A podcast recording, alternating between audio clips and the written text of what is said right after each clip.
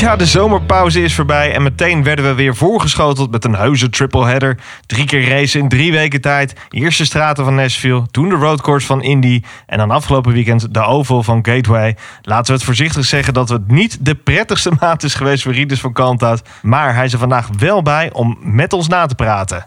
Dit is aflevering 23 van... Green, green, green, green. We're four wide going into turn number one. Wins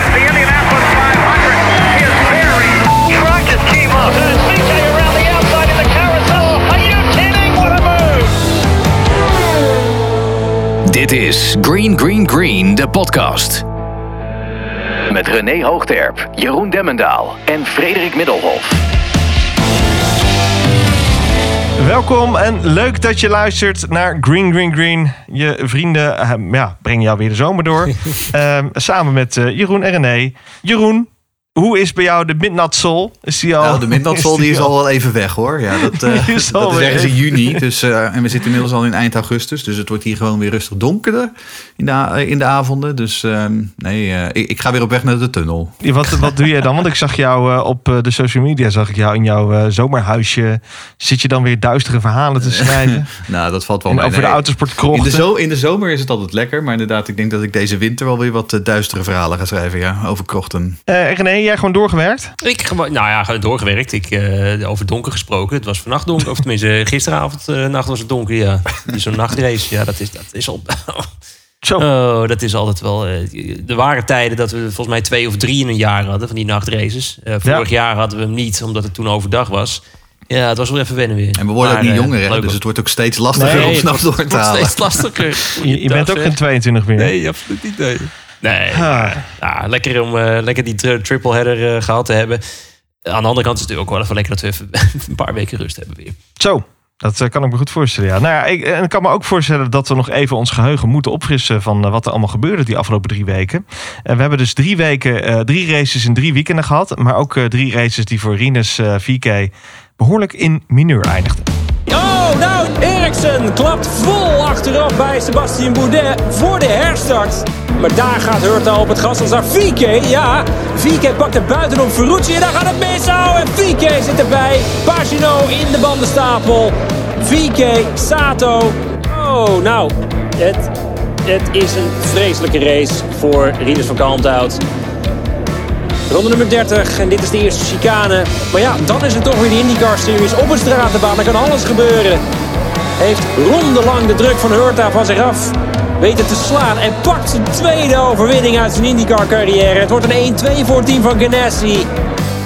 Voor de derde maal dit seizoen zijn we op de Indianapolis Motor Speedway. Nou, dan kunnen we dus nu wel de balans opmaken, aangezien iedereen een stop heeft gemaakt. Dus dit klopt nu ook. En dan zien we dat VK nu op de 16e plaats is eh, terechtgekomen. En dus eigenlijk gewoon weer veel verloren.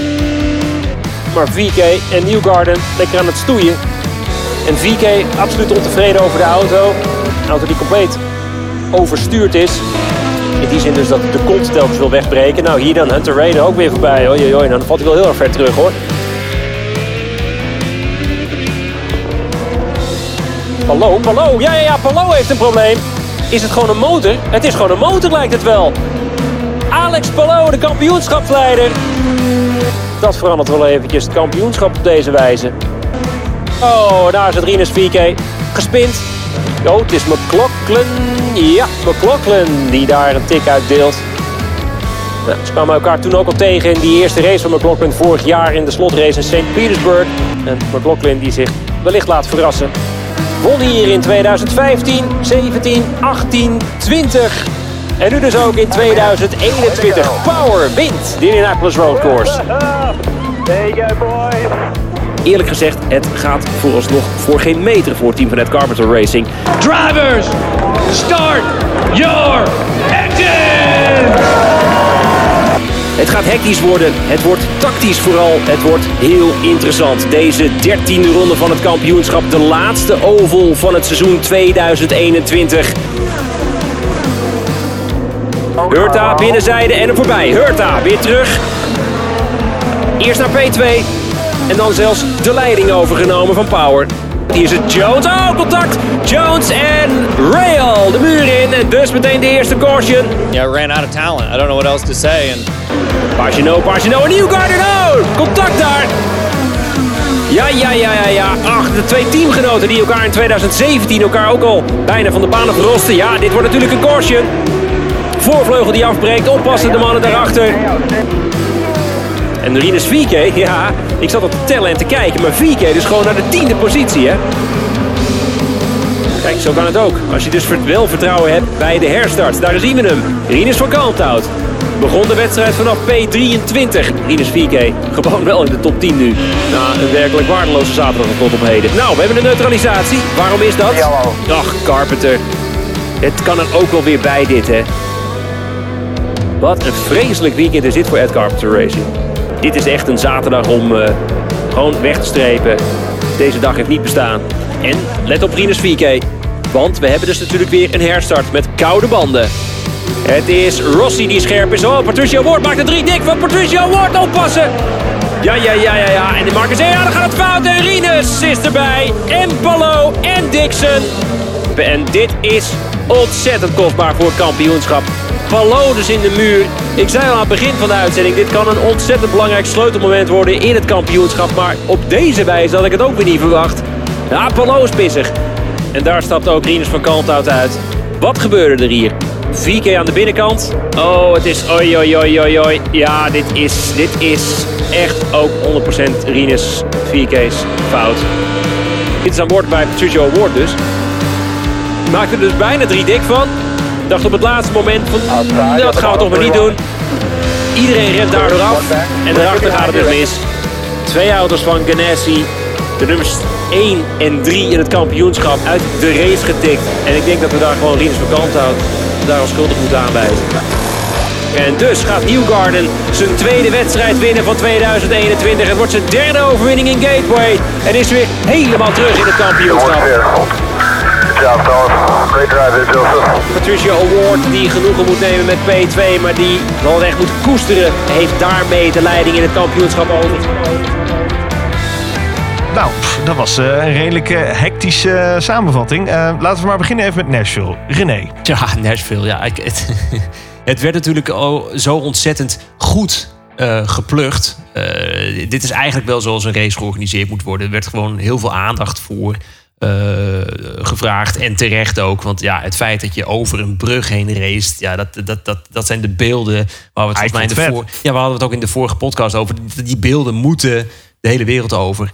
En eh, volgens mij is dat wel gelukt. Ja, geweldig. Goed aangepakt hoor. Qua promotie in ieder geval. Ja, het was ook een week lang feest in die stad ook. Hè? Het, was niet alleen een race. Nee, je had de hele week eh, de aanloop inderdaad. Je had natuurlijk fanfestivals. En eh, ik zag op een gegeven moment een of andere Skelter race in eh, downtown Nashville. En ze hadden concerten natuurlijk. Want het is natuurlijk ook hè, Music City. Music City. Ja, Music hè, City. De Music City Grand Prix.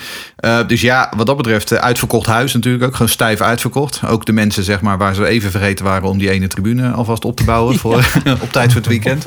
Ehm, maar uiteindelijk, ik denk wel dat het als spektakel en als evenement een eh, groot succes geweest is. Ja, maar qua raceactie eh hebben die toeschouwers niet heel veel gezien. Nee. Nou, tenminste, eh, groene rondes. Ik heb het eventjes weer voorbij gehaald. We hebben dus negen, negen cautions gehad. 33 van de 80 rondes die zijn onder geel gereden. En al met al, inclusief alle vertragingen, heeft de race ook uiteindelijk langer geduurd dan de Indy 500. En ja, met die negen cautions, ik heb het even terug moeten graven, maar dan moeten we Zo. helemaal terug naar Houston 2013. Dat was de laatste keer dat we op een niet-oval negen cautions hadden. Ja, Nou was Houston ook Was wel echt de- een eh, rukbaan, maar dat terzijde. Nou ja, nou, is dat, nou dat, dat brengt mij meteen de vraag. Was Nashville dat ook? Nee. Hoe denken we erover? Nee, ik denk wel dat er wat aanpassingen nodig zijn. Ehm, maar Iets breder. Ja, maar om mijn befaamde ehm, eh, hashtag erbij te halen. eh, het was een beetje een kneuzenkermis, maar het kan, het kan beter worden. En ik denk inderdaad wat Frederik zegt. Hè, dat gedeelte rond turn 5, 6, 7. Eh, we dachten allemaal dat het daar fout zou gaan. En dat viel uiteindelijk best mee. Waar het fout ging, was in, al in, was in turn 9, 10, 11. Met al die blinde 90 graden bochten. En ik denk vooral daar dat ze die muur misschien wat meer naar binnen moeten halen. Hè, dat je, of, en iets ruimere uitloopstroken. Zodat je daar wat kan meer... Colton Hurt over meepraten. Nou, bijvoorbeeld ja. Eh, maar ook hè, die, die hele pile-up, die, die, die traffic jam in, eh, in turn 11... waar Rinus VK uiteindelijk gewoon een, eh, een Dallara in zijn achterste kreeg. Ja, dat, dat gebeurt dus omdat niemand... ze kunnen nergens heen en vervolgens je kunt ook niet om die hoek, eh, die hoek omkijken. Dus al die bochten zijn blind. Eh, en dat hebben ze bijvoorbeeld op een baan als Detroit en op Toronto... hebben ze dat, hè, ook door schade en schande wijs geworden... hebben ze dat inmiddels zo aangepast dat dat beter te doen is. Moet ik wel zeggen, wat er ook gebeurde met, eh met Eriksen natuurlijk ook, maar ook met, met, met Pagino. Het, het, was wel, het was altijd volgens mij bij een herstart. Het is wel echt Ja. op, op het moment dat je bijna afvraagt van ja, nou ja, en ook met de, de, alles wat er natuurlijk daarna gebeurde op Gateway. De- iedereen is wel heel fel, heel fel met die herstarts. Dat ik me bijna afvraag van ja, had het wel echt met Nashville te maken? Nou ja, wat ze zeggen natuurlijk, ze hadden eh, na de race hadden ze erover van ja, misschien moeten we voortaan die herstarts op de brug doen. In plaats van inderdaad op dat korte stukje eh, tussen al die Ja. 90 graden bochten. Ja, misschien dat het geholpen had, maar dan was je dus met 28 man richting turn 4 of eh, turn 7 ged- gedonderd. En dan was het volgens mij net zo goed fout gegaan. Ja, wel een, eh, een man die eh, toch wel weer met de winsten er vandoor gaat, toch? Ja, god, die Eriksson. Ik bedoel, het, de- de- je snapt er toch helemaal niks van, hè? Dat zo'n auto gewoon nog heel is. Dat- Ik bedoel, hij vloog, wat was het, 30 feet door de, door de lucht of zo. Dat is, het is echt ongelooflijk dat die voorwielophanging niet gewoon versplintert. Ik bedoel, je, dat moet je eens proberen met een Red Bull of een Mercedes. Ik bedoel, je bent echt klaar hoor. Maar die Dallara, dat ding blijft gewoon heel. Ja, en dat, dat eh, eh, Marcus Eriksson zich dan vervolgens... Ik geloof dat hij naast die pitstop, na zijn reparaties... lag hij 25 seconden achter op het peloton, bij wijze van spreken. Nou, gelukkig kwamen er negen cautions, dus kon hij dat weer inlopen. Waar kan wel geluk, ja. Maar Daar kan wel genoeg het is, het is eigenlijk, dit is het mooie aan IndyCar. Hè? Alles kan. En dat zei Marcus na afloop ook. Alles kan. Je moet nooit opgeven, want je weet nooit hoe zo'n race verloopt. En vooral niet inderdaad op zo'n knotsgekke baan als Nashville. Ja, maar eigenlijk, jongens, Hurta. Dat, is toch, dat was toch echt sneu. Hè? Het, is toch, ik, ik, het is lang geleden dat we iemand zo dominant hebben gezien in- op, op, een roadcourse. Laten we daar, daar überhaupt mee beginnen. Of het nou een streetcourse of een roadcourse is. Ik was echt zo onder de indruk hoe hij vanaf moment één... Hij durfde meteen als alles van eerst. En wat, wat was het, Jeroen? Volgens mij had hij In die die kwalificatie, in die kwalificatie was hij een seconde sneller. Hij was echt op een andere planeet. Het was echt niet te filmen hoe snel. eh, en, ze, en, en dat moeten we even onthouden. Ze rijden allemaal in dezelfde auto's. En het enige verschil is dan zeg maar eh, of je een een Honda of een Chevy achterin hebt liggen. Maar het zijn allemaal dezelfde auto's. En hij rijdt gewoon een seconde sneller dan wie dan ook. Maar ja, Hurta is natuurlijk ook gewoon een buitenaards groot talent. Zo is het ook wel. Ja, wel zuur hoor, dat hij hem dan toch nog eh, Ja. door, door strategie... eh, hè, want dat, natuurlijk, hij hangt hem uiteindelijk zelf de muur in. Maar het feit dat hij niet eh, aan de leiding eh, bleef door strategie... Ja, dat is natuurlijk wel Maar dat is ook wel weer een, een, een leermoment voor iemand als Hurta. Kijk, want ook Hurta Ja. is pas 21 en ook Hurta is nog niet feilloos. Eh, en die had natuurlijk gewoon, en ik weet niet, en zijn vader eh, zat hem te coachen vanaf de muur. Maar ehm daar moet ze het toch nog even een keertje over hebben. Want ook Hurta moet op zo'n moment denken, nou ja, weet je, ik pak wel gewoon die tweede plek. Ehm, want dan had hij misschien gewoon nog een outsider voor de titel kunnen zijn nu in die laatste drie races. Ja, Jeroen, zagen we bij Hurta eh, dat de scherpe randjes hier wat afgeveld werden, deze race? Van hem bedoel je? Ja? Ehm, nou, ik denk wel dat dit voor hem een enorm leermoment is. Eh, en ik bedoel, we gaan het zo ook nog wel even over Rinus hebben. Rinus heeft ook een paar leermomentjes gehad de afgelopen weken. Ehm, en daar worden, en nogmaals, Rinus is 20, Hurta is 21. Eh, ze hebben als het goed is gewoon nog 20 jaar, 25 jaar carrière voor zich. Ja, hier worden ze wel beter van, ja. Maar dit hoort er ook bij. Eh, en en ze, ze hebben, Hurta heeft dan iets meer ervaring inmiddels. Maar ook Hurta, wat ik zeg, is niet feilloos en maakt soms gewoon nog steeds fouten die heel duur zijn. Leermomenten gesproken. Ik noem even Will Power. Die heeft ook eventjes een, eh, drie races met twee gezichten Ja, gezien, en na eh, afloop ook ontzettend op zijn flikker gekregen van eh, de mensen bij Penske, heb ik eh, begrepen. En terecht. Ja. Maar ja, als je twee van, je, twee van je drie teamgenoten de muren in rijdt, misschien eh, hè, niet helemaal handig. Ja. Ja, nou goed, we gaan we komen, barbecue. we komen toch zo dadelijk, ja, maar we komen toch zo dadelijk ook weer bij Indianapolis. En dat is ook wel weer eh, de echte goede rijders die, die, ja, die maken fouten, maar die, die komen dan ook keihard terug. En dat is ook weer typerend bij misschien wel de complete carrière van Will Power. Dus dat, dat, dat is wel mooi om te zien. Maar het was echt wel een behoorlijke Ja, negatieve hij is wel super grillig natuurlijk. zelf. Dit is de reden waarom hij eh, eh, één, één keer weer kampioen is geworden en niet vijf of zes keer. Ehm, omdat hij gewoon, het is wel echt hot en cold. En daar hadden we het vorig jaar al over, zeg maar, toen we terugkeken op afgelopen seizoen. Ja, Will Power, het is wel een beetje hot en cold. Hè? Ja, dat is weer exact hetzelfde dit jaar. Het is eigenlijk al 15 jaar zo. Hij leert, hij, leert, hij leert wat dat betreft niet bij. Nee, Nou ja, dan moeten we natuurlijk ook nog even over Rinus hebben. Die eh, wel gewoon goed Ja. begon. Eh, was P9 in Practice One. En toen dacht ik van ja, is dit nou tekenend voor de rest van het, van het weekend of niet? Want het was een hele rare en rommelige eerste practice session. Nou ja, en toen vervolgens in de kwalificatie, toen kwam hij wel door, eh, kwam hij wel redelijk naar voren en ging hij redelijk hard. En toen raakte hij met zijn achterkant de muur. En toen was het over. En eh, ja, toen moest hij eh, van, eh, wat was het, plekje 20 of ergens daar, moest hij gaan starten. En vervolgens natuurlijk in de pe- ontzettende pech in de race. Van achteren geraakt in die traffic jam in turn 11. Ja, toen was de hele diffuser aan de achterkant weg. Toen hebben ze hem nog wel gerepareerd. En ja, dan kom je met negen ronden achterstand de baan op. Kansloos natuurlijk. En die auto, die, die balans was natuurlijk net, net Max Verstappen in Hongarije, bij wijze van spreken. Een belletje maar even. Ehm, weet je, dan is gewoon de hele balans in die auto weg. Dus ja, die, die crash in turn 1, die, die vervolgens, wat vervolgens Oh, het, dat het maakt, einde maakt al lang niet meer uit, joh. Nee, maar dat, was, Dat had er natuurlijk ook mee te maken dat gewoon zijn hele re- rembalans en zijn, en zijn gripbalans in die auto weg was. Ook daar weer, we hadden het net over Eriksen die gewoon 30 voet door de lucht heen vloog. Maar het feit hoe hard Sato hem achterin die auto van Rinus kwakte.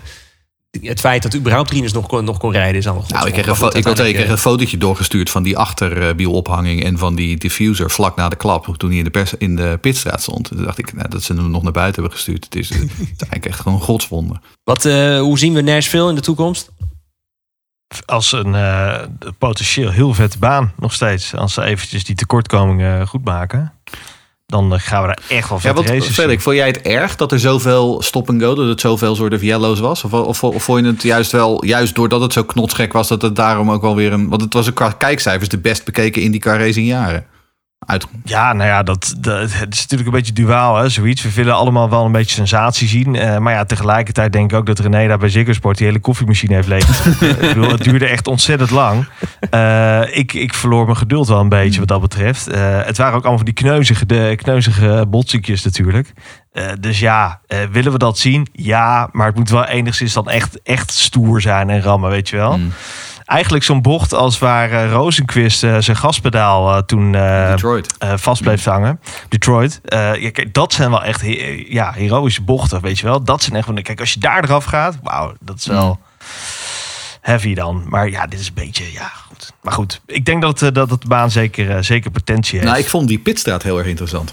Ehm, want het interessante is dus dat die pitstraat, vooral als je achter, een per- eh, achter de safety car reed, eh, omdat dat gedeelte Sneller, rondom hè? die pitstraat zo langzaam was, was je dus snel, kon je dus gewoon tijd winnen door tijdens de eh, safety car naar binnen te gaan en een pitstop te maken en dan dus eigenlijk gewoon, eh, daar kon je gewoon plaatsen mee winnen. En Is dat een beetje zoals eh, Abu Dhabi in de Formule dat 1? weet ik niet, want in Abu Dhabi verlies je volgens mij gewoon nog steeds, eh, ja, daar verlies je nog nog steeds steeds, gewoon. Door, eh, ja. tijd. Maar Ik ga één, één laatste Formule 1 referentie doen. Alleen Donington was degene waarbij Senna befaamd eh, de snelste ronde pakte via de Hmm. Via de pitstraat. Maar dat is, ja. maar dat, maar goed, Nou ja, ik zat, maar ik zat eh, erover na- na te denken. Er zijn natuurlijk van die, allemaal van die hele slimme strategiejongens die op zo'n, eh, eh, eh, bij die team zitten. Er gaat natuurlijk volgend jaar, ze, eh, ervan uitgaan dat ze die pitstraat on- onveranderd laten. Er gaat natuurlijk volgend jaar iemand zijn die aan kop ligt. Of ergens tweede of derde ligt. Die gaat naar binnen. Komt vervolgens voor de safety car weer de baan op. eh, rijdt de hele baan rond en verzet op die manier het hele veld op een ronde. Dat gaat een keer gebeuren natuurlijk. En ik vind het juist wel gaaf. Het is weer eens wat anders Ja. zeg maar, dan dat je eh, het gangbare waarbij je altijd tijd verliest in de pitstraat.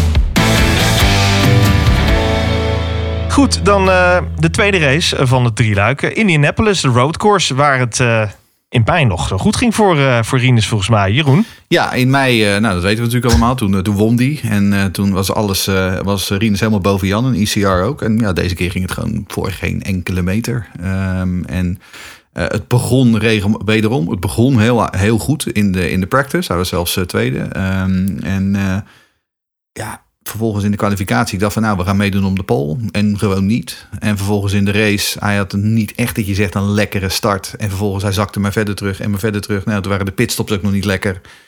En tot overmaat van ramp kreeg hij vervolgens ook Scott McLaughlin nog bij hem eh, achterin naar binnen. Ja, en dan ben je gewoon 24ste eh, voor de tweede race op rij.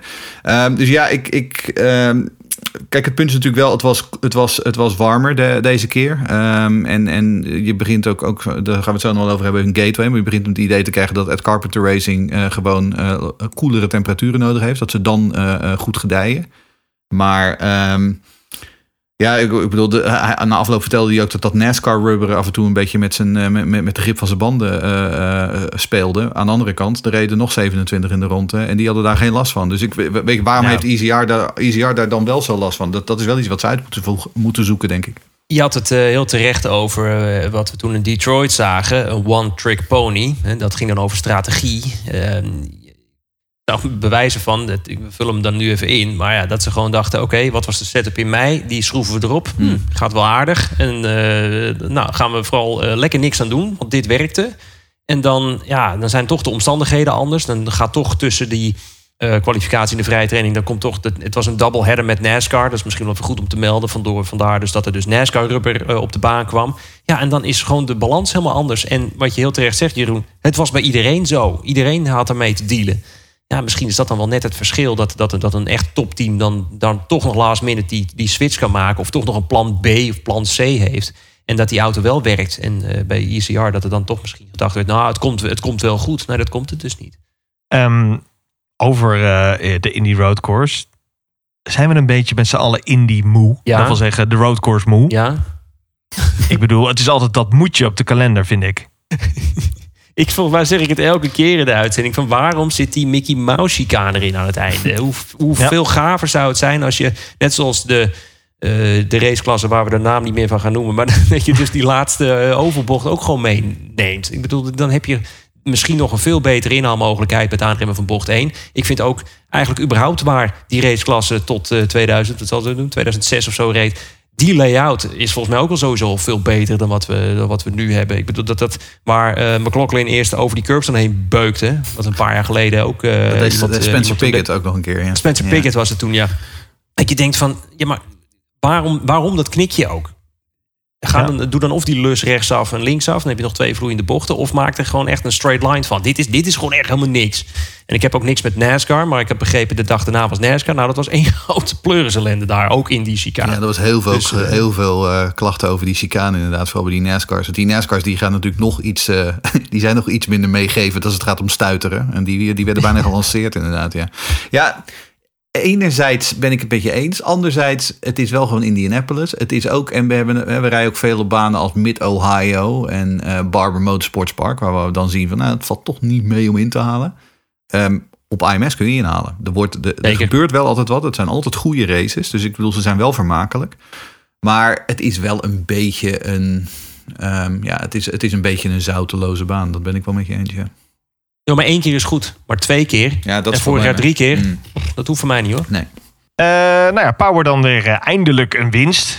Hij houdt zijn serie gaande, want sinds 2008 14 seizoenen op rij. Minstens één racewinst. Nou ja, dat is, dat, ik bedoel, ik zat, er wel aan, ik zat er wel aan te denken van... gaat dit het jaar worden waarin Will Power eh, die streak eh, misloopt, zeg maar. Maar hij heeft het weer voor elkaar. Kan nee, niet, niet. Nee, gewoon, hij heeft gewoon weer een race gewonnen. Ehm, en dat is wel heel knap. Ehm, want we weten natuurlijk dat hij heel veel poles rijdt. Maar hij wint ook gewoon heel veel races. Ik geloof dat hij er inmiddels een stuk of 40 heeft. Eh, en hij wint dus altijd wel een race ergens. Ehm, en dan denk je na Nashville van, nou, Will Power... die eh, eh, kan beter gewoon eh, gaan dammen voor de rest van het jaar. Maar nee hoor, vervolgens zie je hem op, eh, op, hier op Indianapolis weer. Ja, maar ja, wat we ook net ook al zeiden, dit is wel Will Power. Het is de ene, de ene race is het, is, het, is het drie keer niks en de volgende race is het geweldig. En op K2 was het weer een beetje flat. Dus ja, De Toowoomba Barbecue. nog. Ja, maar flats, flats, maar wel op het podium. Hè? Dus het is wel eh Power Ja. die wel weer aardig, eh, aardig meedoet. Maar nou ja, goed. oké. Dat is, wat je zegt, het is classic willpower. Ene race in de muur eh, of de andere in de muur drukkend... en de andere keer gewoon totaal dominant. Dat is, dat is echt wel, eh, wel knap. Hey, wat eh, ook knap is, eh, Christian Lundgaard. Goeiedag zeg. Ja, Zo. nee, die heel knap. Ehm, moeten we wel bij aantekenen. hè. Christian Lundgaard is een Alpine junior, rijdt in de Formule 2. Heeft daar al een aantal keer races gewonnen, op het podium gefinished. Ehm, heeft dit seizoen geen heel lekker seizoen. Ehm, dus is ook zo voorzichtig een beetje om zich aan het heen kijken. Want ja, hè, die Alonso en die Ocon in Alpine, die, die zitten daar voorlopig nog wel even. Dus de Formule 1 komt die voorlopig ook niet in. Dit is wel de makkelijkste baan om als een Europese coureur je debuut te maken. Maar dan moet je het nog steeds nog maar even doen. Maar hij kwalificeerde zich als vierde. Ehm, en daarmee kwalificeerde zich meteen eh, voor eh, Graham Rahal en voor Takuma Sato. Eh, die allebei al 100 jaar in de, in de IndyCars rondrijden. Ja, vervolgens dan moet je 85 rondjes rijden. Dan wordt, valt het toch even mee. Dan had hij ook nog last van zijn maag. Omdat ze wat verkeerd gegeten hadden de avond ervoor. Maar uiteindelijk eh, wordt hij twaalfde, geloof ik. Ehm, wat natuurlijk gewoon hartstikke knap is. Ik dacht van tevoren, als hij bij de beste 20 rijdt, dan doet hij het al heel aardig. Maar dit was gewoon een eh, goed debuut. Wat je ook wel terecht zegt, Jeroen. dat Dit is, kijk, als er één circuit is waar je dan relatief gemakkelijk je debuut kan maken, dan maar IMS. En het, is ook een, eh, het lijkt het meest op een Europees circuit. Nou, dan kom je toch bij Grosjean uit. Die natuurlijk vanuit Europa eh, een geweldig debuutseizoen meemaakt. En ook liet hij het weer zien. Weer gewoon op het podium. Ja, Ja. Wat, me wel een beetje tegenviel is hoe goed Pato Award was in de kwalificatie. En vervolgens eh, gaat hij de race rijden. En dan doen ze een strategie bij Aaron McLaren waar ik geen touw aan vast kon knopen. Want het idee was dan dat als je op de rode band startte, dat je langer door kon rijden. Hè, dat je terwijl je op de zwarte band wat korter eh, zou rijden. Ehm, en vervolgens gaan ze veel te vroeg naar binnen, waardoor ze op zeker een drie-stop-strategie moeten doen. De rest begint allemaal op zwart en doet rustig een twee-stopper. Ja, en vervolgens eindigt hij zesde of zevende en ja, gaat gewoon die hele eh, eh, winst eh, de mist in. Dat was wel een beetje jammer voor Pato. Nou, het is ook vooral eh, vreemd. Volgens mij was Award samen met nog uh, Lundgaard en nog één ander. Maar volgens mij waren dat de enige binnen de top 10 die op rood starten.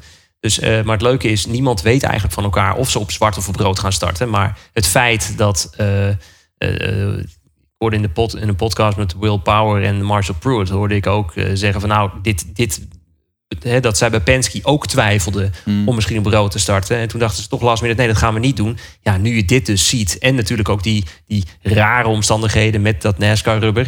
Grote kans als we volgend jaar de roadcourse hebben, dat iedereen gewoon op zwart gaat. Want je weet gewoon, dit gaat gewoon niet werken. Nee. Heel apart. Ja. en dan hadden we ook eh, Dixon met een matig weekend. Het Dixon was slecht, hè?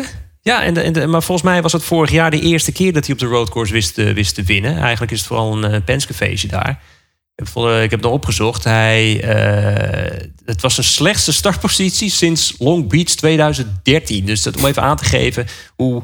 eh, en er zitten er ook nog wat matige Indy 500 eh, kwalificaties in bewijzen van. Dus nee, eh, Dixon, nee, het zat er gewoon niet in. De plaats 17, gewoon eigenlijk heel grijs. Heel grijs voor Dixon. Dan, Maar nou, laten we dan positief afsluiten, jongens. Positief afsluiten. Ja, ja. hè. En dit is met een speciale vermelding van onze luisteraar Etienne Peters... die een heel groot fan is van de vrienden van Top Gun Racing. En wie is geen fan van Top Gun Racing? Ehm, je zou verwachten dat die helemaal achteraan rijden... en drie seconden langzamer zijn dan de rest. Maar nee hoor, RC Ineson kwalificeerde zich wel als 25e. Was dus geloof ik sneller dan eh, zowel Kellett als Jimmy Johnson. Ehm, en eh, ja, uiteindelijk ging die auto stuk. Dat was dan wel een beetje jammer. Ehm, maar hey, eh, jongens, 28 auto's in het veld. 28. Ehm, en ga er maar vast aan wennen, want het zou volgend jaar zomaar eens de standaard kunnen zijn. Dus het wordt druk. De laatste van het drieluik. Eh, Gateway, mannen. Eh, ik geef hem even aan jou, eh, René. Wat, wat vond je ervan als nachtrace? Nou ja, kijk, uiteindelijk, wat ik net ook al zei, het, het, het rottige is... ehm, ja, het is natuurlijk niet heel erg gunstig voor de Nederlandse kijker. Het leuke is, ik sprak Russ Thompson. Dat is een eh, man die bij NBC werkt. En ehm, hij was helemaal enthousiast van... eh, ja, nachtrace eindelijk voor prime time in Amerika. Helemaal top. Ik zeg, eh, Russ, eh, je hebt wel door dat het voor de Nederlandse, Europese kijker... Ik, ik gooide hem even iets breder, dat het wel gewoon echt nachtbraak betekent. En toen zei hij van, jeetje... Dat heb ik me eigenlijk, dat heb ik me eigenlijk nooit beseft. Dat het helemaal niet interessant is dat dit de prime time is. Dus nee, ehm, wat misschien het voordeel is, is dat, eh, dat we de 24 uur van normaal hadden. Dus ik kan me voorstellen dat als er dan toch iemand is die denkt... nou, ik ga lekker die 24 uur kijken. Nou, even een, een, een tussendoortje met de IndyCar race. Maar het hoeft van mij niet elk weekend te zijn. Of zo'n Het is, ook, nachtrace. is ook weer zo tekenend voor die Amerikaanse mindset. Hè? Ik bedoel, als het, buiten, als het buiten Indiana gebeurt, dan bestaat het bijna niet. Het is, Europa. Oh ja, jullie kijken ook nog. Ja, precies. ICR begon in de trainingen eigenlijk al zwemmend qua setup. Ja, ehm, ik kon hier mijn eh, befaamde eh, hashtag weer van stal halen. Eh, dat deed ik dan ook, want dit was echt een kneuzenkermis. Ehm, ze waren 22e en 24e in, eh, de, eh, in de practice. En vervolgens in de kwalificatie, nou toen hadden ze toch mooi Dalton Kellett eronder zitten. Dus toen werden ze 22e en 23e. En toen dacht ik, nou, ECR, als eh, ge- zogenaamde oval-specialisten, eh, het valt me niet mee. Ehm, en ze waren ook echt, het was ook niet dat het hele veld zo dicht bij elkaar zat. Nee, ze waren gewoon 5, 6 mijl per uur langzamer ehm, op, een, eh, op een rondje van 22, 23 seconden. Dus ja, ehm, het, het, het viel niet mee. Kijk, eh, eerlijk is eerlijk, Rinus vocht zich vervolgens in die openingsfase van die race helemaal eh, geweldig terug. Eh, ik, ik zat al een beetje op hem te letten achter in het veld. En hij, hij was geloof ik al 4, 5 man bij het, eh, toen hij bij turn 1 aankwam. Ehm, en vervolgens, ja, hij reed binnen no time eh, in de eerste 60, 70 ronden reed hij zich naar P10. Toen dacht ik, nou, nou, dit kan nog wel wat worden zoals die zo doorgaat. Want worden. vooral bij die herstarts, maar dan die telkens eh, goede plekken. Maar ja, toen kwam die, eh, die ene herstart. Hè René? Die ene herstart. Nou ja, kijk, het, eh, de eerste herstart. Hij ging volgens mij van 23 naar 16 en toen van 16 naar 10. Toen verloor hij een plek bij, pitstop. effectief een plek met die pitstop. Maar eigenlijk viel het wel mee, want het was ook Pagino en Boudet die ervoor zaten. eh, die alternatief, een alternatieve strategie hadden. Nou ja, en toen kwam dan die andere herstart. Ja, er gebeurde heel veel daarvoor. Eh, Award, die, die maakte er bijna drie dik van. Ik was eerder, toen het, het gebeurde, dacht ik echt... oh mijn god, wat gaat Award daar doen? Ga je niet misschien een, een heel goed resultaat weggeven. En toen ging het daarna achter dus fout. Ja, ehm, eh, er wordt afgeremd. Eh, uiteindelijk zie ik het zo dat Rinus daar wellicht te laat op reageerde en, en, en raakte, raakte de auto's. Ja, nou ja, dat kan gebeuren. Dat is dan misschien als... Ik bedoel, laten we eerlijk wezen jongens. We hebben Rinus eigenlijk in de afgelopen twee jaar weinig fouten zien maken. Eh, maar dit, in mijn ogen was dit dan wel een fout. En is het erg? Nee. Ik bedoel, je zei het net al, eh, Jeroen. Hij is 20. Waar hebben we het over? De, de, en eh, van fouten moet je, moet je leren. En, en het is vooral zuur. Het was zo zuur. Want, want Ja. ehm, eh, ik zei het ook volgens mij in de uitzending. Een kwalificatieauto kan een hele andere auto zijn dan een raceauto. Zeker op Gateway. Omdat je van de zonneschijn vol naar de eh, volle zon naar de, eh, kunstlicht. Dus, dus asfalttemperatuur heel anders. Dus wie weet, misschien was die auto heel goed. Maar dat zullen we helaas nooit weten. Nee, nou ja, we gaan, hij, gaat, hij gaat het natuurlijk zo meteen zelf uitleggen hoe, eh, wat zijn opvatting was. Maar wat, wat ik wel merkte na afloop was dat er een hoop verschillende opvattingen waren. Ehm, hè, want Rinus zelf, die, dat, dat- nogmaals, dat gaat hij zo wel uitleggen. Maar hij, hij vertelde me gistermiddag toen ik hem sprak. Ja, ik had het idee dat Hunter Ray te veel vertraagd. En daardoor weer, hè, backte het up, zeg maar. En, en, eh, terwijl Pato Award, die na afloop... nou, volgens mij lag de fout bij Rossi... die van alles en nog wat probeerde. Ehm, en eh, Scott Dixon schijnbaar, die zei van... ja, maar ik had helemaal geen last van Ryan Hunter Ray. Dus hoe kan het dan dat Rinus 4K daar wel last van heeft? Nou, er zijn dus heel veel verschillende opvattingen. Maar ja, uiteindelijk, eh, de bottom line is wel... Rinus was degene die als eerste contact maakt. Dat is gewoon zo. Ehm, en ehm, ja, de, vervolgens hangen er wel twee titelkandidaten in de muur... Ehm, dus ja, het was wat dat betreft gewoon... Het was eeuwig zonde. Want ik denk echt dat er een goede race aan za- in zat voor, eh, voor Rinus. Dan eh, het ovaldebuut van eh, Grosjean. Ja, die, eh, die reed uitstekend, toch? René, lijkt mij. Ik, nou, wat, ik- wat ik, eh, het leuke is natuurlijk dat, eh, of leuk, Grosjean die dacht eerst de roadrun eh, street courses te doen. Toen zag je dat in die 500 feestje en dan dacht hij van, hier wil ik deel van uitmaken. Ik wil meedoen met dat feestje. En het is, hij heeft natuurlijk eind juli heeft hij eh, getest toen, eh, toen eh, wat teams daar gingen testen. En toen, toen, toen zei hij al van, nou, het is moeilijk. Het is veel moeilijker dan je zou denken. Maar ik ben klaar voor die uitdaging. En dat heeft hij eventjes goed uitgevoerd hoor. Ja, heel gaaf. Heel gaaf om te zien ook ten eerste dat hij zich redelijk, nou gewoon oké kwalificeerde. En dan vervolgens, je zag hem gedurende de race, zag je hem steeds meer vertrouwen krijgen. Van oké, eerst de eerste stint aftasten en dan vervolgens in die stint waar hij iedereen zomaar inhaalde alsof het helemaal niks was. Dan buitenom, dan binnendoor. Met Kellet was het wel, Maar ook wel heel spannend. Kellet en maar vooruit. Daily. Maar, dus ik bedoel, het waren nou niet echt de grote giganten die die inhaalden. Maar toch, je Nou moet het even doen. Ja, je moet hem toch even inhalen. En je moet toch dus je vertrouwen hebben. En, en, en ik vond het zo mooi dat we zo'n inkijkje kregen in het leerproces van Grosjean tijdens die race. Want het, hij kwam toen de pitstraat uit. Ja. En toen was hij heel veel onderstuur. Heel, en, en hij reed heel langzaam en, en moeilijk. En hij zei, oh, dat voelt iets niet goed, dat voelt iets niet goed. En je hoorde de engineer zeggen, nee, dat, het is, het is oké.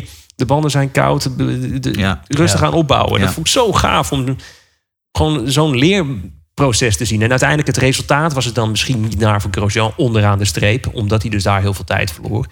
Maar dit is, dit is toch, ja, ik vond het geweldig om zo mee te maken. En, en mooi om, weer, we hebben het eerder over gehad, het plezier wat Grosjean teruggeeft in het racen. Zo'n big smile na afloop. Ja, prachtig. Ja, en Nou, ik zie weer de Grosjean terug van... eh reed hij nog Formule 3000? Nee, hij reed GP2. al wel Formule 2.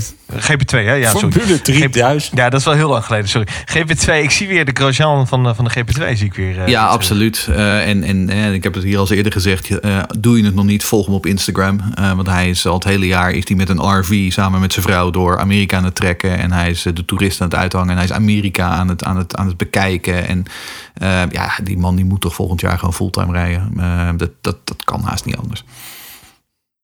Ik eh, denk het ook. Dan eh, Pato Award. Ja, Ik, eh, weet je nog, ik zei het aan het begin van het seizoen, jongens. Weet je wie de kampioen gaat worden? Ja, Ja. ja, ja.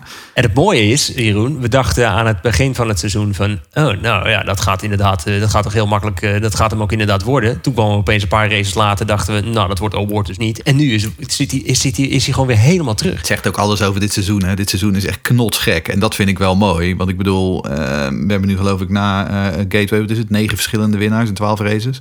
En en het, is, het is zo... het is zo spannend. Ehm, en en voor het eerst sinds Detroit staat Award nu weer even aan de leiding van het kampioenschap.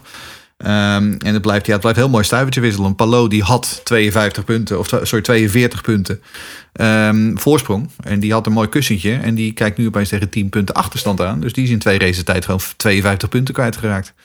Ja, het, het, kan, het kan gewoon. Nou, het is, het is ook vooral, daar hebben we het eigenlijk niet eens over gehad. Maar natuurlijk de uitvalbeurt, de geplofte motor bij eh eh, Palo in eh, Indianapolis. Daar begint het natuurlijk al mee. Hij was er gewoon volgens mij ready vierde op dat moment. Dus had hij gewoon prima, prima punten kunnen scoren. Ehm, dan een gridstraf in Gateway. Weer zijn tweede gridstraf. Negen plekken naar achteren. En dan vervolgens ja, dat, dat, dat incident waar hij dan uiteindelijk wegvalt. Het is ook ongelooflijk hoeveel, hoeveel pech je dan hebt. Ja. Maar goed, en dan nog, dan heb je dus twee uitvalbeurten. En dan heb je ook slechts 10 punten achterstand. Dus dat geeft ook wel weer aan hoe. hoe hij is nog niet helemaal uitgeschakeld. Helemaal niet, verre van zelfs. zelfs. Dus eh, ja, heel gaaf. Dan eh, Joseph Newgarden. Tja, ouderwets eigenlijk, hè? het is, Komt weer opzetten. volgens mij zijn we het in de, volgende, eh, de vorige podcast, Jeroen. Van als die Penske-machine gaat draaien, dan, eh, Dan gaat hij draaien. hou je me vast. Dan gaat hij draaien. Ja, En- en- en- Vlak hem nooit en uit. of die draait. Hè. Volgens mij de laatste vier wedstrijden hebben nou drie Penske's gewonnen, zeg ik dat goed? Ja. Volgens mij was het zo'n achtig eh, statistiekje. Ja. Ja, eh, eh, maak je borst maar nat. Dat gaat leuk worden. Zo. En goed, laten we onze Hollandse hoofdrolspeler zelf maar eens bijhalen dan. Hij is inmiddels weer terug in Florida. En ja, na die soft op Gateway. Rinus, hoe is het daar? Bouw je nog steeds of kijk je inmiddels wel weer eh, vooruit? Ehm, nou, inmiddels kijk ik wel weer vooruit. Eh, natuurlijk, eh, het laatste wat ik, eh, wat ik wilde was zo'n weekend. Maar eh, ja, het, een beetje, het is allemaal gebeurd. Eh, ik, ik heb met iedereen gesproken en het is, ja, het is nu allemaal achter ons. En het enige wat je kan veranderen is de toekomst. Dus daar zijn we nu hard mee bezig. Ja, wat heb je nog? Heb je contact gehad nog met Alex Palou en Scott Dixon? Ja, ik heb de volgende ochtend op WhatsApp met Alex nog een beetje gepraat. En ja, het is echt, een heel aardige jongen. En ja, die ehm, was gewoon heel aardig. En die zei, ja, weet je, eh, sorry dat ik een beetje pissig was. Ik zei, nou, snap ik. Ik zou nog erger zijn. Op, eh, die, eh, ja, op die plek in het kampioenschap als dat gebeurt. Maar ehm, ja, dat was afgesproken. We hebben als deal dat, dat we in Portland samen op het podium gaan staan. Dus dat is, vond ik een mooie deal. En ehm, ja, Scott Dixon heb ik ook berichten gestuurd en ook mijn onboard. En ehm, ook om te vragen als hij iets ziet wat hij anders had gedaan. Het is eigenlijk een heel bizar seizoen van twee gezichten voor jou. Als je kijkt naar de eerste zeven races, toen was je zes keer in de top 10, twee keer een podium, een zegen. En dan als je naar die laatste vijf races kijkt, drie keer buiten de top 20 en een beste resultaat van zestiende. Ehm dat, dat, is, dat is echt, het is Ja. echt een seizoen van twee gezichten. Wat, wat voor gesprekken zijn er op dit moment gaande binnen ECR? Wat ik bedoel, ik kan me toch voorstellen dat niemand tevreden is met die situatie. Ehm, nee, zeker. eh, het was wel een beetje balen. Eh, zeker toen we in, ehm, hoe heet het nou, Nashville, daar kwamen we aan. En eh, ja, het was voor iedereen nieuw.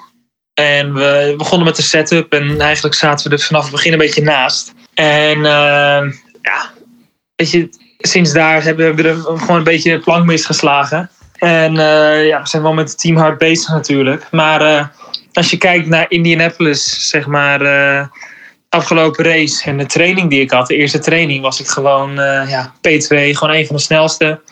Kwalificatie was ik de allersnelste op de zwarte band. Toen op de rode band, toen eh, ja, begon ik al wat, onder, wat eh, overstuur op te bouwen. En ja, sindsdien heb ik last van overstuur gehad. Dus het is heel apart. En ja, zeg maar, zulke goede stappen die we, die we begin van het seizoen hadden gezet, die vallen nu een klein beetje weg. Ja, en, je zegt het ook wel heel goed, eh Rinus. Van, als, als team eh, hebben we misschien de plank misgeslagen. Maar dat, dat, dat, dat voelt ook inderdaad ook zo. Als je ook kijkt hoe jouw teamgenoten ook eigenlijk de laatste races gewoon... Nou, het, het, er ook gewoon verder af zitten. Eh, Is het, je zou bijna zeggen, is het bijna iets structureels? Sinds Detroit eigenlijk. Ehm, ja, ehm, ik denk dat we, ja, dat we misschien ja, gewoon echt qua setup een beetje mis zitten. Maar ik eh, vind ook wel dat we een beetje pech hebben. Zeg maar eh, in, eh, in Gateway had hij natuurlijk in de kwalificatie niet zo'n goede auto. Maar in de race kon ik wel goed aanvallen. Toen was ik van, eh, 23 naar 10 gereden. Binnen ja, nog ineens een kwart van de race. En ehm, ja, uiteindelijk ge- gebeurt dan dat. En in Indianapolis word ik achterin gereden. Door eh, McLaughlin. En dan in eh, Nashville ja, was het natuurlijk eh, met eh Pagenaud dat ik geen kant meer op kon. Dus het is een beetje een combinatie van zeg maar... ja, een beetje miszitten met de setup. En ook gewoon ja, dat puzzelstukjes gewoon niet op, op een plek vallen. Nee. Is, dit, is dit de grootste periode van tegenslag die je in je carrière hebt gehad tot nog toe? Ik denk in ieder geval in Amerika misschien wel zo. Hè? Ja, ik denk het wel. Maar eh, ja, je rijdt uiteindelijk in een IndyCar, dus je kan niet verwachten dat je elke race kan winnen. Maar eh, ja, uiteindelijk, eh, het, is, het is niet makkelijk. Ik heb wel een goed resultaat nodig, ook zelf. Eh, maar ja, het, het motiveert me ook weer. Weet je, iedereen werkt harder dan, dan ooit om, ja, om gewoon die pace te verbeteren.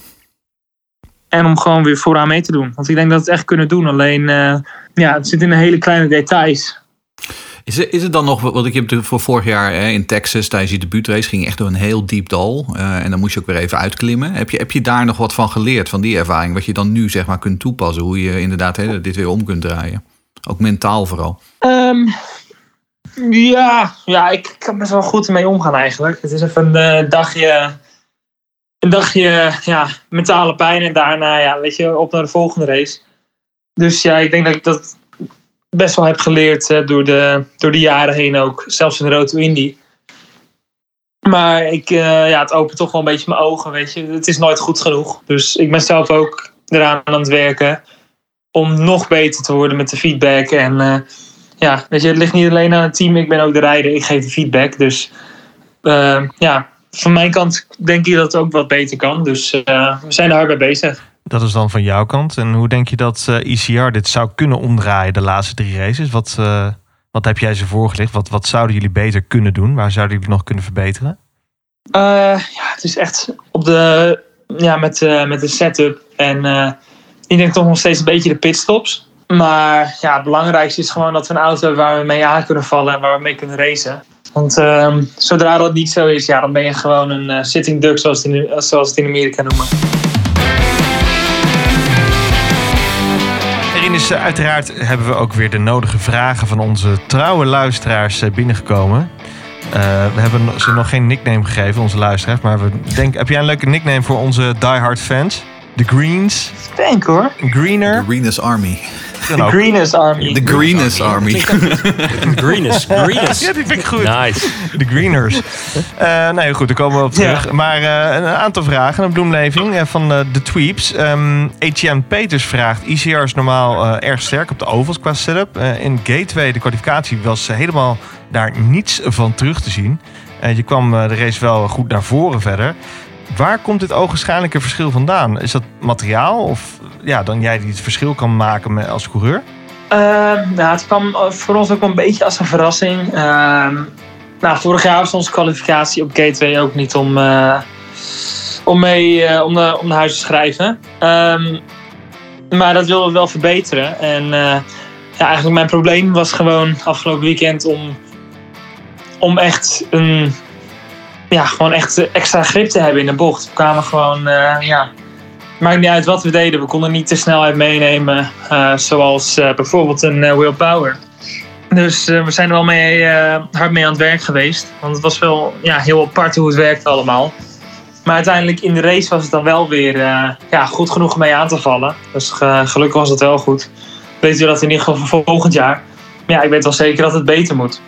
Had het ook te maken in de race omdat natuurlijk de zon onderging, de asfalttemperatuur lager. Eh, als we een beetje terugkijken in het jaar, lijkt het erop dat eh, jouw auto beter, beter gedijt eigenlijk onder koelere omstandigheden. Had dat er misschien wel mee te maken? Want je kon natuurlijk niet heel veel meer doen na de kwalificatie. Ehm, nee, je kon alleen nog maar voorvleugel veranderen. Eh, dus Ik eh, weet je al te veel. eh, de kwalificatie in de race. Dus dat was wel, ja, dat was wel balen. Maar uiteindelijk, ja, het was wel fijn dat, we, ja, dat de temperatuur even wat koeler was. En ook dat, eh, ja, zeg maar in een race, je hebt dirty air en alles. Dan hoef je niet echt eh, te profiteren van de peak performance van de auto. Dan kan je best wel, eh, ja, gewoon zorgen dat je meekomt. En, en dan is het goed. En als je je auto's achter kan houden. En dat, precies dat kon ik doen. Dus dat was voor mij goed genoeg. Dus ehm, ja, het is echt meer dat, dat extra beetje in de quali vinden. Dat, gewoon dat extra stukje grip. Dat, eh, dat missen we een beetje. Hey, en eh, Pim, die heeft een observatie. Die, eh, hij zegt, het lijkt erop de Drienes op de zwarte band af en toe iets minder goed is qua snelheid dit jaar. Ehm, is dat zo? En zo ja, waar komt dat door? Ehm, daar ben ik het niet helemaal mee eens eigenlijk. Ehm, zeg maar in Indianapolis, eh, afgelopen race, de afgelopen, zeg maar Indianapolis 2. Toen was ik eh, eigenlijk in de kwalificatie de snelste op de zwarte band en op de rode band eh, even wat minder. Ik denk dat het echt eh, ja, een beetje up en down is. Maar dat komt een beetje ja, vaak wel door de setup. Soms werkt hij heel goed met de zwarte band en helemaal niet met de rode band. En andersom ook zo. Dus ja, die sweet spot is heel moeilijk te vinden. Maar ik denk dat ik eh, geen voorkeur heb qua banden. Of dat, de ene, dat ik sneller ben op de ene dan de andere. Ja, natuurlijk is de rode beter. Dus eh, ja, maar dat is eh, meer omdat eh, de rubber wat zachter is natuurlijk. We hebben best wel wat eh, fans die eh, het, het, het leuk vinden om het technische verhaal eigenlijk van setup en, en dergelijke nou, te, te, te laten belichten en vooral te laten uitleggen door jou. Martin die zegt: eh, Is er na Nashville nog een specifiek issue gevonden met de auto slash de setup? En dan denk ik ook dat hij doelt op jouw bericht, maar dat was volgens mij na Indianapolis was het volgens mij dat je vertelde van hey, volgens mij klopt er iets structureels niet aan de auto. Is er iets gevonden? Ehm, nee, ze hebben niks gevonden. Eh, we hadden één klein ding met eh throttle map. Ehm, af en toe kreeg je een paar procent eh, ja, gas, zeg maar, midden in de bocht, waardoor de auto een beetje ging leunen. Dat was niet ideaal. Daly had er ook last van in Indianapolis, toch? Dus hij ook dat zijn gas bleef hangen in de dat zei hij ook, remzone. ja. Dus dat, dat was niet ideaal. Maar voor de rest, eh, ja, op de, op de auto niks gevonden. Niks te los had of verkeerd was. En ik heb met eh, een engineer gepraat. En eh, die zei toch wel dat, ik, ja, dat de setup gewoon ja, net verkeerd was. En dat we eigenlijk ehm, een soort traject afgingen dat weekend. Waar er steeds meer overstuur kwam.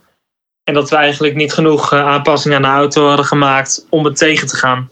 Dus dat het daaraan lag. Is dat dan ook wat je, iets wat je, eh, een les die je doortrekt naar Long Beach straks? Want ik bedoel, er komt natuurlijk nog een eh, stratenbaan aan. Ehm, zeker. Ehm, maar ja, Long Beach is wel een circuit waar het team eh, eerder heeft gereden en ook een goede race heeft gehad. Dus daar maak ik me niet echt zorgen om. En uh, stratencircuits liggen mij altijd ook wel goed. Dus ja, ik denk dat het allemaal wel goed komt. En ehm, zeker de West Coast is wel, zijn wel allemaal leuke banen. Dus voor mij kan het altijd goed komen. En voor de rest, eh, ja, gewoon zorgen dat we als team hard werken om een goede setup te vinden. Dan nog eh, een vraag van Robin over Nashville. Hoeveel nieuwe vullingen had je nodig na dat weekendje? Maar drie. nou, het was, wel, eh, het was wel best wel bumpy. Alleen heel gek bumpy. Dat hadden wij dus een beetje onderschat. Eh, of overschat misschien. Ehm, het was heel bumpy op de rechte stukken. Alleen in de bochten was het best wel smooth. En eh, ja, zeg maar als je het vergelijkt met Detroit, was Detroit drie of vier keer zo erg qua bumps. Dus eh, ja, dat was dus wel eh, ja, best wel apart. Hadden, we niet, hadden we niet over nagedacht. Dus daarom zaten we denk ik ook een beetje verkeerd met de setup. Omdat we een zachte auto wilden over die bumps heen. Alleen ja, net waar de auto werkt, in de bochten, heb je die bumps niet. Dus eh, ja, dat is ook wel een momentje voor ons bij het team. Hey, en Rick Berendonk die vraagt zich af, eh, en dat is natuurlijk ook met die bumps in Nashville wel relevant. Eh, heb jij eigenlijk nog last van je sleutelbeen? Helemaal niet eigenlijk. Ehm, ik kom net uit de sportschool en ehm, hebben schouders getraind. En op een of andere manier is mijn linker schouder sterker dan mijn rechter. Dus en misschien kan ik in de winter nog die rechter ook even meepakken. maar nee, het gaat, gaat heel goed. En ik heb geen last meer van mijn litteken of helemaal niks meer. Dus eh, ik kan weer vol op een niveau racen en trainen waar ik, eh, waar ik daarvoor ook op zat. Mooi zo. Ehm, ja, het is een terugkerend thema misschien wel. Maar Monique Bormans die vraagt zich af... Ja, waarom heeft de pitcrew, jouw pitcrew... Nou ja, ogenschijnlijk toch wat moeite met de pitstops... om ze allemaal eh, nou, lekker nou, foutloos, laten we daarmee beginnen uit te voeren. Hè. Tijdens de Indy 500 is een bekend voorbeeld. Ook op IMS, die, die, die tweede race, ging het ook niet altijd even lekker. Ehm, op Gateway ging het eigenlijk dan wel weer goed. Terwijl Gateway altijd echt wel heel belangrijk is met de stops. Maar het is net dat altijd goed presteren. Dat lijkt, dat- nou, dat lijkt wel eens nou, moe- moeizamer te zijn. Waarom komt dat? Vraagt Monique dus ook. Ehm, ja, eh, het is niet heel makkelijk te beantwoorden. Ehm, ja, ik denk dat onze, onze crew staat wel, bestaat uit eh, merendeel uit eh, ja, mannen ja, rond de 50 of ouder. Ehm, ja, en op die leeftijd kan je niet, ja, ben je niet zo fit als een eh, jonge gozer van, eh, van 28 of zo. En eh, dan zie je bij sommige teams dat zij wel een, ja, best wel een, een crew helemaal opleiden voor, voor de pitstops. En bij is dat net iets minder. Bij mij is het gewoon een beetje de monteurs en die jongens. Dus eh, ja, ik denk dat er nog wel wat werk in gestoken wordt. Maar ik zie wel verbetering vergeleken met vorig jaar. Ehm, Anneke Kramer vraagt: eh, wat verwacht je nu van komende races? Momentum is wel wat weg. En ze is benieuwd eh, hoe, je, hoe je denkt dat om te kunnen draaien. Ehm, ja, ten eerste uit de, proble- uit de problemen blijven. Ehm, maar ik denk dat ik wel eh, ja, die laatste drie races iets moois ga laten zien. Net als een beetje begin van dit jaar. Portland heb ik natuurlijk mijn eerste IndyCar test ooit gehad. Eh dat was ik meteen al snel. En eh, dat, was al, dat was mijn eerste keer in de auto. Dus eh, ja, volgens mij ben ik nu al een stukje beter dan toen. En ja, Laguna Seca en, en Long Beach, dat zijn gewoon circuits, weet je. Daar is veel gereden met de IndyCar. En ja, volgens mij moet dat gewoon goed komen. Long Beach heb ik nog nooit gereden, maar op de simulator ging het er al goed. Ik ben heel benieuwd, maar eh, ja, ik denk nu zeker deze drie weken dat het wel goed is voor mij en voor het team. Om even alle gedachten te, te resetten en eh, met een schone lijn te beginnen. Ja, op Laguna was je wel heel goed hè, in de Indy Lights, kan ik me nog herinneren. Ja, zeker. Toen, eh, wat was het, twee races, twee gewonnen. precies. Dus eh, dat, was, dat was een mooi weekend. En eh, ik denk dat we dat gewoon weer kunnen doen. Laguna is ook wel een circuit waar je eh, best wel prima kan racen. En eh, er ligt weinig, heel weinig grip. Dus ik ben benieuwd, eh, benieuwd hoe dat eh, zal zijn met, met zoveel auto's bij elkaar. Maar ik heb er zin Ja. in. Nou, hey, en dan tot slot. eh, dit is natuurlijk een standaardvraag. Die moeten we je iedere keer stellen over 2022. Ehm, heb, heb je al bijgetekend bij ECR officieel? Of moet je, ga je eerst nog even bij AJ Voigt op de koffie? Nou, dat is wel een hele, hele duistere vraag. maar eh, Ja, Ricardo Junkels is ook goed. nee. Nou, ik denk dat Albon daar misschien al zit dan. Oh, dat zou ik nog kunnen, ja. Maar eh, nee, ehm, ik heb nog niks bijgetekend. Maar eh, ja, ik, eh, ik zie nog geen, geen reden waarom ik eh, ja, weg zou gaan. Nee, je maakt je, je, Eh, maakt je geen zorgen na, na die laatste paar races, zeg maar. Dat je daardoor te, eh, second thoughts krijgt. Oh nee hoor, nee. In ieder geval, het team gelooft in me en ik weet dat ze het echt kunnen. We moeten alleen ja, even de puntjes op de i kunnen zetten. Maar we hebben het kunnen laten zien begin van het jaar. En als het begin van het jaar kan, dan kan het nu ook. En volgend jaar ook. Dus ik maak me geen zorgen en eh, ik weet zeker dat het team eh, volledig in me gelooft. Goed zo, man. Top, dat waren de vragen, Rinus. Dankjewel. Perfect. En alle goeds met Ja. de laatste races. Ja, dat komt helemaal goed. Ik heb er zin in en eh, ik heb even drie, drie weekjes eh, lekker tijd om, eh, mijn kop leeg te maken. Een beetje leuke dingen te doen. En dan eh, vol gas naar, eh, naar de West Coast toe. Volgas, zo horen we dat graag inderdaad. Yes, Dankjewel, top. hè. Hoi. Dankjewel hè. Goed, dat was dus eh Rinus vanuit Florida. Gaan wij verder met een lekker onderdeeltje roddel, achterknap en uh, Hersey.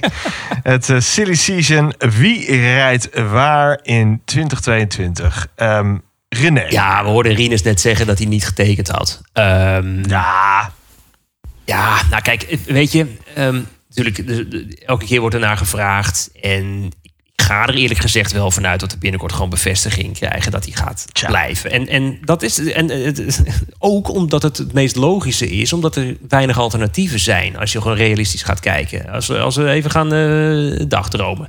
Andretti. Nou, dan eh, zit je naast Colton Hurta. Die wordt natuurlijk daar als, eh, als eh, de godenzoon eh eh, behandeld. En terecht. Dus daar wil je eigenlijk niet naast zitten. Eh Penske, grote kans, gaan we het zo dadelijk over hebben, Jeroen. ehm, dat daar geen plek meer voor is. Ehm, Rail, hm, wil je daar zitten? Misschien eigenlijk ook niet eens. En, en McLaren weten we niet eens of ze überhaupt een derde auto willen inzetten. Er is eigenlijk weinig anders wat echt een stap omhoog is. Dus ik, ik vind het alleen maar logisch. Nee, Dus en het- afwachten Maar het is ook buiten zijn macht, toch? Nou ja, nog niet. Ehm, want hij heeft inderdaad hij heeft bepaalde prestatieclausules in zijn contract staan. Ehm, en, en weet je, kijk, uiteindelijk, eh, het is net als in de Formule 1, een contract is een contract. En als Roger Penske zegt, ik, hier heb je 5 miljoen, eh, Ed Carpenter. ehm, dan gaat ook Ed Carpenter zijn knopen tellen. Eh, het grappige was dat ik ehm, onlangs dacht van, ik ga proberen om de persdame van ECR's uit eh, de tent te lokken. En die stuurde ik een appje. En toen zei ik van, ik zeg, wanneer gaan jullie eigenlijk officieel uh, Rines bekendmaken voor 2022? en toen zei ze van, nou, ik heb daar nog niks eh, over gehoord vanuit eh, management. Maar eh, normaal gesproken doen we dat voor de laatste race van het, eh, van het, eh, van het seizoen. Ik denk, nou, oké, dan weten we dat dus. ze ontkende niet dat hij bleef. Ze ontkende niet dat hij bij zou tekenen. Dus ehm, nee, weet je, kijk, uiteindelijk, ik denk dat er eh, Rinus gewoon inderdaad nog een jaartje bij ECR zit. Dat is goed. Ehm, en dan, eh, hè, want dit silly season is leuk. Maar ik denk dat het silly season van 22, 23, dat wordt nog helemaal gek. Want dan komen er meerdere plekjes bij de topteams eh, vrij. Ehm, en dan hebben we het ook echt, hè, want dan loopt opeens het contract van Rossi af. Dan loopt opeens het contract van Newgarden af. Dan loopt opeens het contract van eh, Felix Rosenquist af. Ja, dan wordt het wel interessant. eh, echt interessant, denk ik. Ehm, ja, en dan heb jij natuurlijk, dat jij noemde dus net al Penske. Ehm, ja, die gaan eh, naar, naar verluid toch wel echt eh, van vier naar drie auto's. In ieder geval tijdelijk. Want Simon Pagenaud die gaat daar weg. Ehm, eh, en Penske is eigenlijk het enige team eh, dat in 2022 tijdelijk, in ieder geval tijdelijk een stapje terug doet. Want er is toch vooral ehm, heel veel uitbreiding.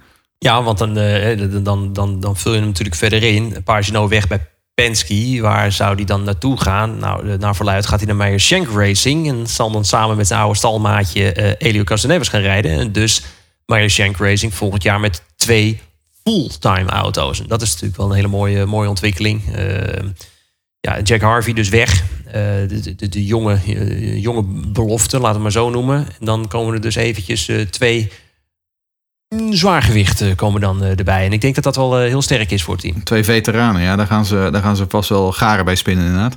Nou, McLaren gaat ook van twee naar drie auto's. Ehm, de grote vraag is, gebeurt dat per 2023, zoals Zack Brown onlangs zei? Ehm, of ehm, eh, wordt het misschien toch wel 2022? Nou, Zack Brown zei, als we de juiste coureur vinden, dan kan het al eh, per 2022. Oh, ik hoor net dus dat Rinus toch... eh, Ja, nou, ik, ik, ik hoor inderdaad in mijn tochtige parkeergarages verhalen dat McLaren intern nu wel degelijk heeft besloten dat ze toch al per 2022 eh, eh, gaan kijken om het voor elkaar te krijgen. Eh, en ze zijn met een aantal coureurs bezig. En dan hebben we het over spectaculaire namen eh, die wij nog kenden uit onze Formule 1 jaren. Oftewel, ehm hou- Mika Hakkinen komt terug ja, precies. sabbatical. Uit zijn sabbatical. Eindelijk gebeurt Ja. het. Jensen Button komt terug daarna. ja. Ehm, dus, maar hou, hou McLaren in de gaten, jongens. Want daar, eh, daar gaat nog wat gebeuren.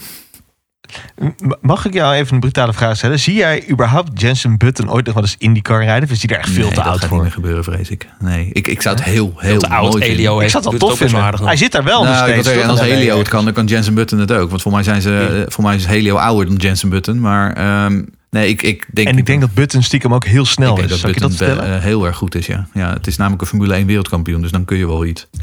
maar goed, Rail Letterman. Ja, Rail Letterman Ledigan, die gaan ook definitief naar drie auto's. Natuurlijk eh groots aangekondigd eh, dat eh, de sponsor Hy-V, dat ze en Iowa, dat er een doubleheader gaat komen. Maar dat ze ook dus die derde auto, een beetje publiek geheim. Maar goed, die derde auto gaat dus komen. Dat is natuurlijk heel erg mooi. Ehm, ja, er zijn heel veel kandidaten voor die derde auto. Felix de Costa werd eerst genoemd, heeft zelf gezegd dat wordt hem niet. Ehm, ja, Harvey, dat, ja, dat, dat kwestie van tijd denk ik voordat hij inderdaad bevestigd wordt. We hebben, ja, gaat het dan in plaats van Sato? Of wordt het dan toch gewoon die derde auto? Of gaan we dan toch nog een Loenkaart hebben? Wordt het toch Ferrucci? Nou ja, wat dat betreft eh, Nou, mijn, interessant. Mijn Eh, vijf interessant centen. Ehm, Sato die gaat stoppen. En Harvey neemt die stoel over. En ik denk dat Ferrucci daarnaast komt. Dat Eh, zou om de dood eenvoudige reden dat Ferrucci altijd sterk is op de Indy 500. En dat is met afstand de belangrijkste race. Eh, dus ik denk dat het Ferrucci, Harvey en Rail gaat worden daar. Ja. Ehm, wat ik zelf, en dit is er wel eentje die ik absoluut niet aan zag komen toen het werd aangekondigd. Ehm Junkos Racing, kennen we ze nog jongens? Ja, ja. we kennen ze nog van Rinus, want die reed ervoor in de Indy Lights en in die Pro 2000. Maar Junkos was natuurlijk ook het team dat samen met Kyle Keizer eh, Fernando Alonso naar huis stuurde tijdens de Indy 500 ja. een paar jaar terug. Ehm, en die keren vorig jaar, volgend jaar dus fulltime terug. Die gaan met een fulltime auto rijden, omdat ze met Brad Hollinger, een oud eh, investeerder in het Williams Formule 1 team, eh, de handen ineen geslagen hebben. En opeens hebben ze bakken met geld daar. En dus kunnen ze ook gewoon gaan shoppen. Ehm, nou, Kyle Keizer is een hele lieve jongen, maar die zal denk ik ongeveer nummertje 15 op de shortlist zijn. Ehm, ze hebben heel veel interessante namen op de shortlist. Ehm, en, en de komende maand, die, die laatste drie races waar we het over gaan hebben, in Portland, Laguna en Long Beach, dan gaan ze alvast opwarmen. Nou, één naam waarvan we al zeker weten dat hij eh, met uh, Junkos gepraat heeft, dat is Alexander Albon. Uh, met Alexander Je moet Albon. even opwarmen, moet je even uitleggen. Dus gaan rijden, bedoel je? Ze gaan rijden, ja zeker. Precies. Ja, ja, ze gaan zeker rijden. Ze gaan dus alvast de, ze gaan, ze gaan drie races rijden om. Nou ja, eh, je moet natuurlijk gewoon die hele crew een beetje eh, op gang krijgen. Je moet eh, je een beetje met strategie alvast aan de gang gaan. Ehm, eh, je motoren testen, je banden testen, weet ik het. Ehm, maar Alexander Albon, die, eh, die was in Indianapolis tijdens de IMS-race. En eh, die heeft daar zeker met drie teams gesproken. En eentje daarvan is Junkos. Ehm, en ze deden weinig moeite om dat te verhullen. Want ze liepen arm in arm door de paddock heen, heb ik me laten vertellen. Dus een jaar geleden, Junkos fulltime met Alexander Albon in de IndyCar. Dat hadden we een jaar geleden toch niet aanzien komen.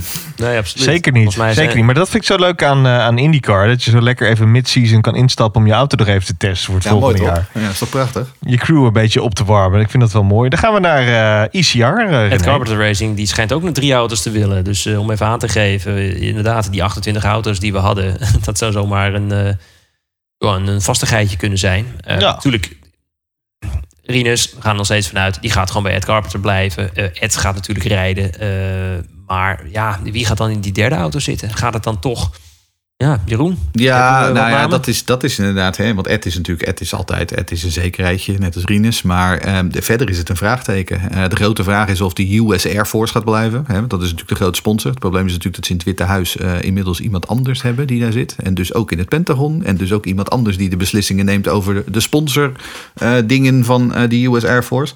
Nou, als de US Air Force blijft, dan mag Daly ook blijven. Ehm, blijft de US Air Force niet, dan vrees ik dat het voor Daly ook wel moeilijk gaat worden. Ehm, dan gaan de naam David Malukas, staat momenteel bovenaan de Indy Lights. Eh, die heeft een eh, rijke papa eh, en kan gewoon goed autorijden. Is pas 19 jaar. Ehm, nou, die is met Ed Carpenter Racing in gesprek. Er gaan verhalen dat Ryan Hunter Ray, die weg moet bij Andretti, dat die, je kan hebt het altijd goed kunnen vinden met Ed Carpenter, gaan die misschien de handen ineen slaan. Nico Hulkenberg is genoemd. Ehm, staat op de, op de nominatie bij Williams voor volgend jaar in de Formule 1. Maar als die daar niet aan de bak komt, gaat hij dan misschien toch eens in IndyCar kijken. Heel veel namen, heel veel speculaties. Ehm, en eh, ja, dat wordt wel interessant om te volgen. Maar wat eh, René net zegt, eh, 28 fulltime auto's eh, eh, volgens deze telling. Allemaal magisch, jongens.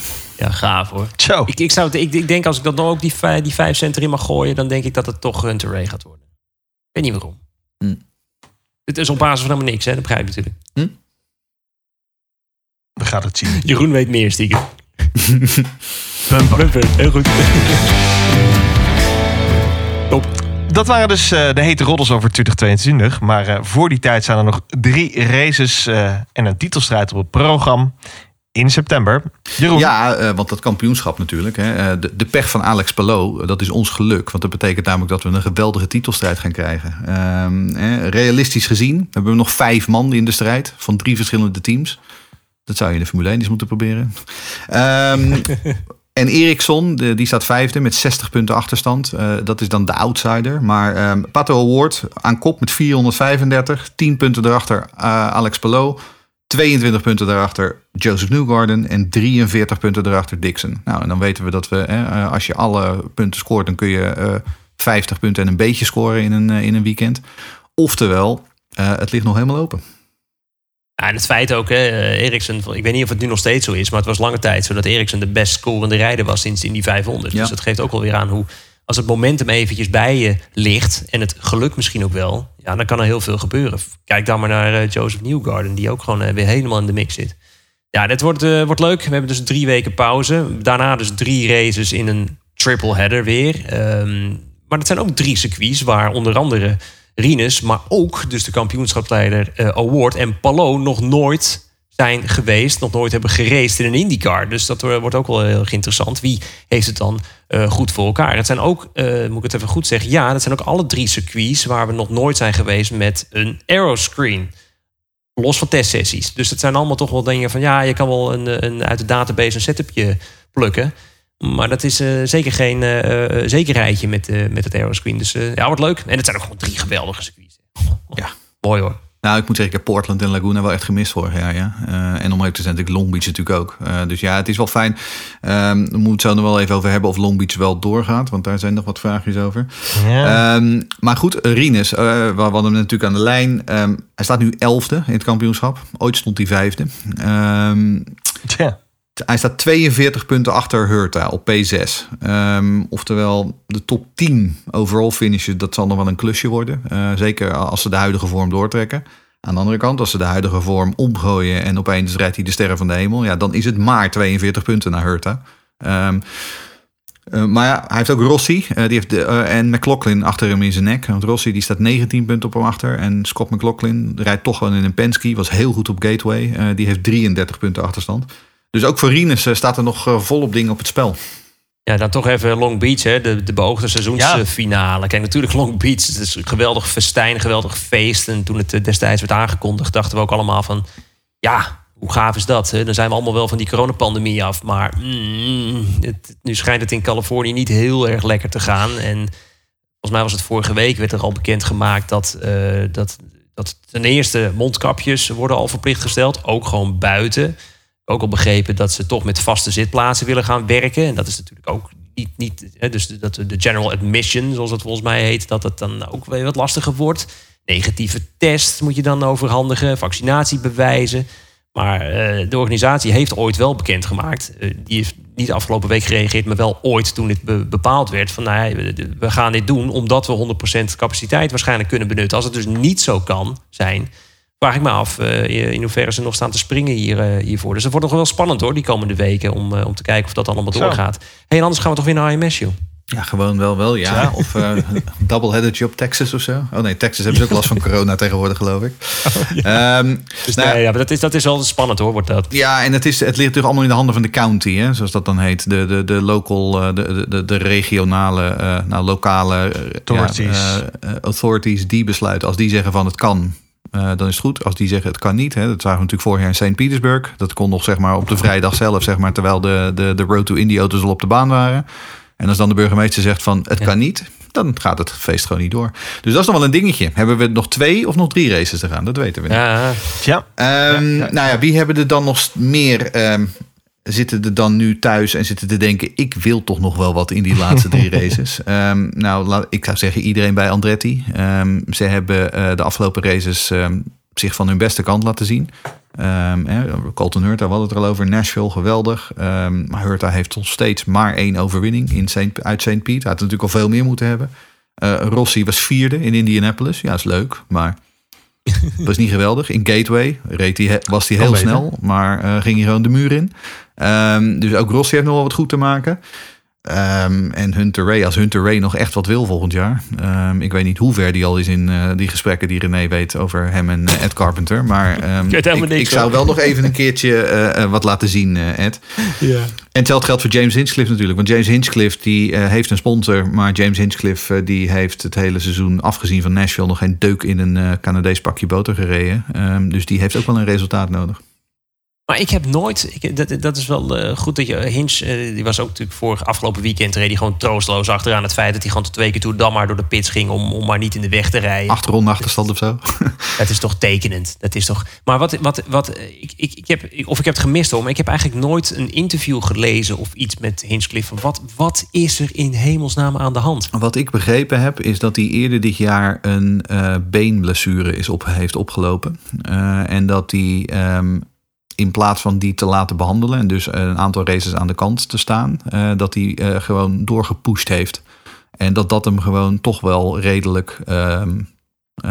parten speelt. Dat is, dat is wat ik begrepen heb. Ik maar heb dat, heeft ja, hij heb ik publiek ook ooit nooit gehoord. verteld. Maar ja, nee, maar ik heb dat ook ooit links-rechts heb ik dat wel eens ergens Ja.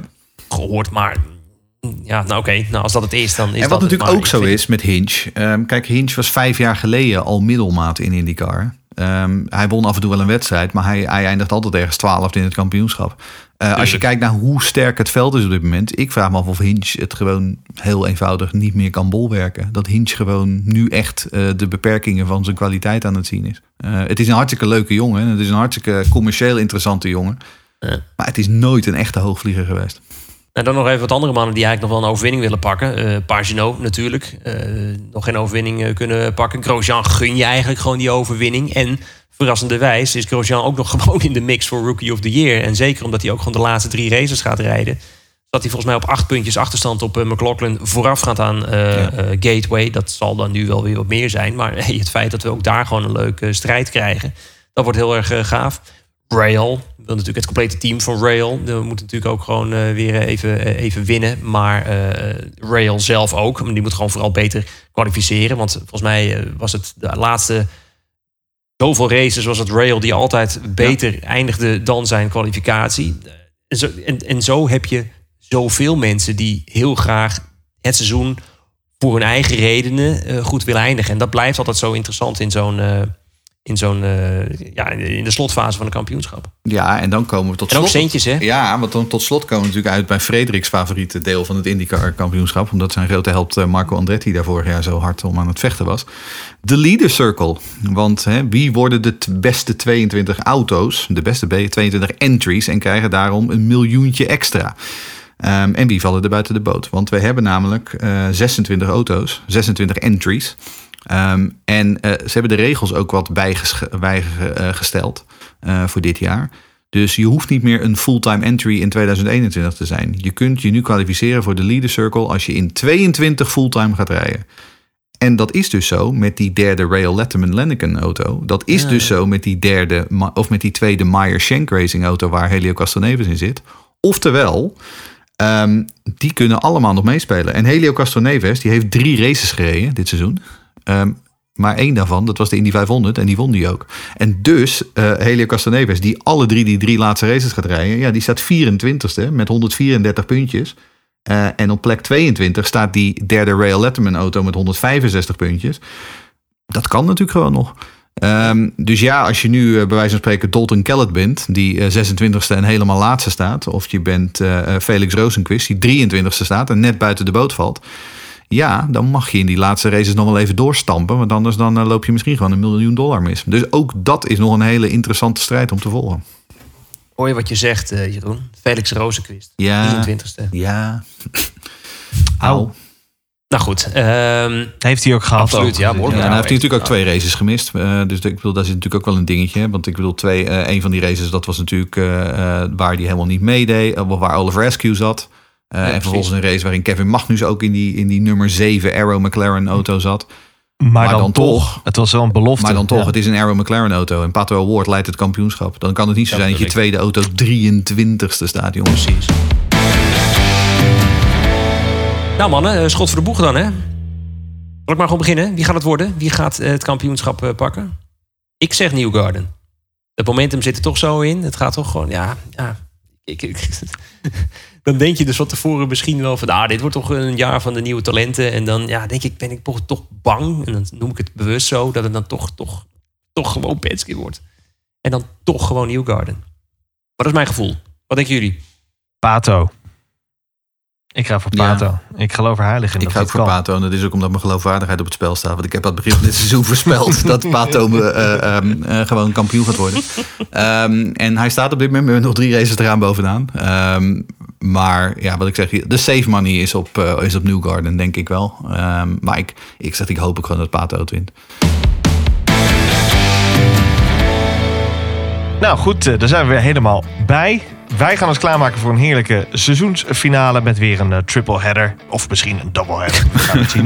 We beginnen op 12 september. Dan komt het veld in eh, Oregon aan de start. En eh, voor ronde nummer 14 van het kampioenschap. Dan een, week, dan een week later gaan we naar de Corkscrew. De bekende, befaamde bocht op Laguna Seca. En voor de seizoensfinale, als die doorgaat in Long Beach, zijn we er dan weer. Hou dan de twitters in de gaten. Eh, dan weet je, heb je het laatste nieuws daaromtrent. Eh ik wil zeggen, dank voor het luisteren. Abonneer vooral op deze podcast. En graag tot de volgende keer. Hoi.